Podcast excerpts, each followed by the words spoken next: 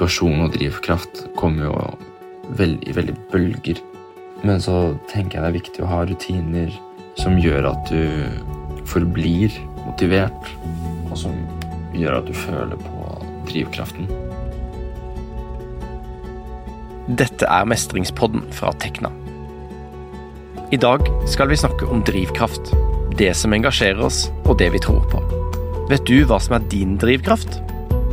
Psykologen vår Karina Kahl gjør oss klokere på hva drivkraft er, og hvordan vi kan bruke det.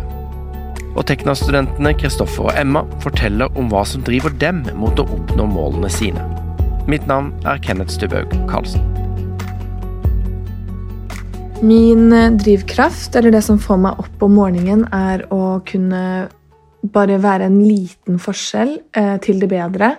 Bare det å f.eks. si hei til noen i løpet av en dag, eller eh, få noen til å bli med på noe som gjør at dagen føles bitte litt lettere, til store forskjeller som kan bety mye for mange.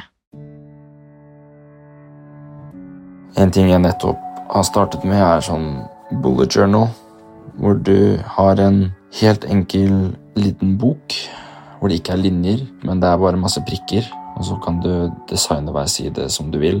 Hvor jeg da har mine mål, om det skal være å lese bøker, treningsmål, nye ting jeg har lyst til å prøve ut, og til samme tid ha gjøremål fra dag til dag, sånn at jeg kan legge inn tid til det jeg vil gjøre utenom studiet, der det passer.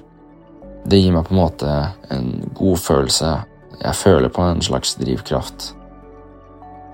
Det kan være litt vanskelig å definere hva drivkraft faktisk er. Mange vil kanskje knytte drivkraft opp mot engasjement og motivasjon. Psykolog Karina Kahl forklarer hvordan dette henger sammen. Å engasjere betyr å gripe inn, ansette, by opp, angripe og vekke interesse hos, og kommer fra det franske ordet for å pantsette.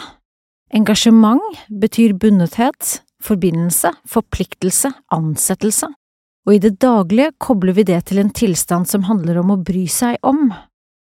Motivasjon driver atferd, handlingene dine, og drivkraft kan ses som motoren bak denne motivasjonen. Mange forbinder drivkraft med noe som skal lede til målet, hvilket også er tilfellet, men med denne tilgangen kan vi komme til å glemme selve reisen, som om mulig er enda viktigere. Det er på veien at utvikling, læring og mestring skjer. Fokuser derfor heller på å finne drivkraften på veien, fremfor ved mållinjen. Veien til målet er jo alt. Alt forarbeid og tid du har lagt ned for å komme dit du ønsker.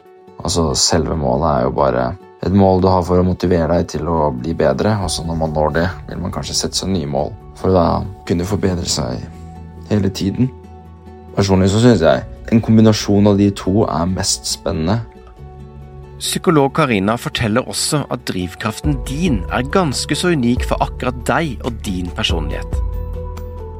Drivkraft er noe knyttet til deg som person, din opplevelse av mening og formål med det du drives mot. Drivkraften, denne meningen du opplever, som gir retning, blir da selve motoren bak en aktiv handling. Videre har du noen egenskaper som kan stimulere drivkraften videre, som handlekraft, vedholdenhet, integritet, eksempelvis. Hvordan kan du finne denne drivkraften i deg selv når det kommer til studiene? Hvilken mening og hvilket formål stimulerer deg positivt? Det som gjør at jeg føler på drivkraft i studieveien min, er eh, troen på at teknologi kan gjøre veldig mye bra hvis den blir eh, behandlet riktig, og at den kan løse veldig mange problemer for alle. For min del så føler jeg det er eh, det at man vil hverandre godt, som er det i min personlighet som driver meg. Hvis man har det hyggelig med seg selv og de rundt seg, så føler jeg det bare skaper en plattform hvor alt er bare mye mer behagelig. Men hva hvis man ikke helt vet hva som er ens indre drivkraft? Hvordan kan man finne den? For å finne din drivkraft kan du tenke tilbake på utfordrende situasjoner som du har mestret. Hva drev deg? Hva ga deg en meningsfull retning for handling?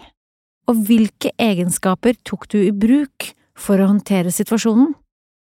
Når jeg står i utfordrende situasjoner, så er løsningen min stort sett alltid å snakke om det. Fordi det hjelper å sette ord på hva man føler og tenker, og også å få andres synspunkt på problemet, og kanskje få de til å belyse saken fra flere sider. Og spesielt når det kommer til skole, så hjelper det veldig å snakke om problemene, sånn at man kanskje enten eh, forstår ting selv, eller får det forklart av noen andre. Hvis jeg er i en periode hvor jeg har lav motivasjon og bare er slapp, så vil jo det da resultere i at jeg ikke får noen ting gjort. Så jeg føler virkelig at uh, drivkraften kan påvirke resultatene mine. Men jeg er som regel bevisst på det, så da føler jeg at jeg kan påvirke det i den grad jeg selv ønsker. En sterk drivkraft kan motivere til handling, som igjen setter avtrykk i resultater og mål. Jeg vil si at drivkraften min, som er å gjøre en liten eller stor forskjell for folk, påvirker resultatene mine. Fordi da er det alltid et mål å jobbe mot.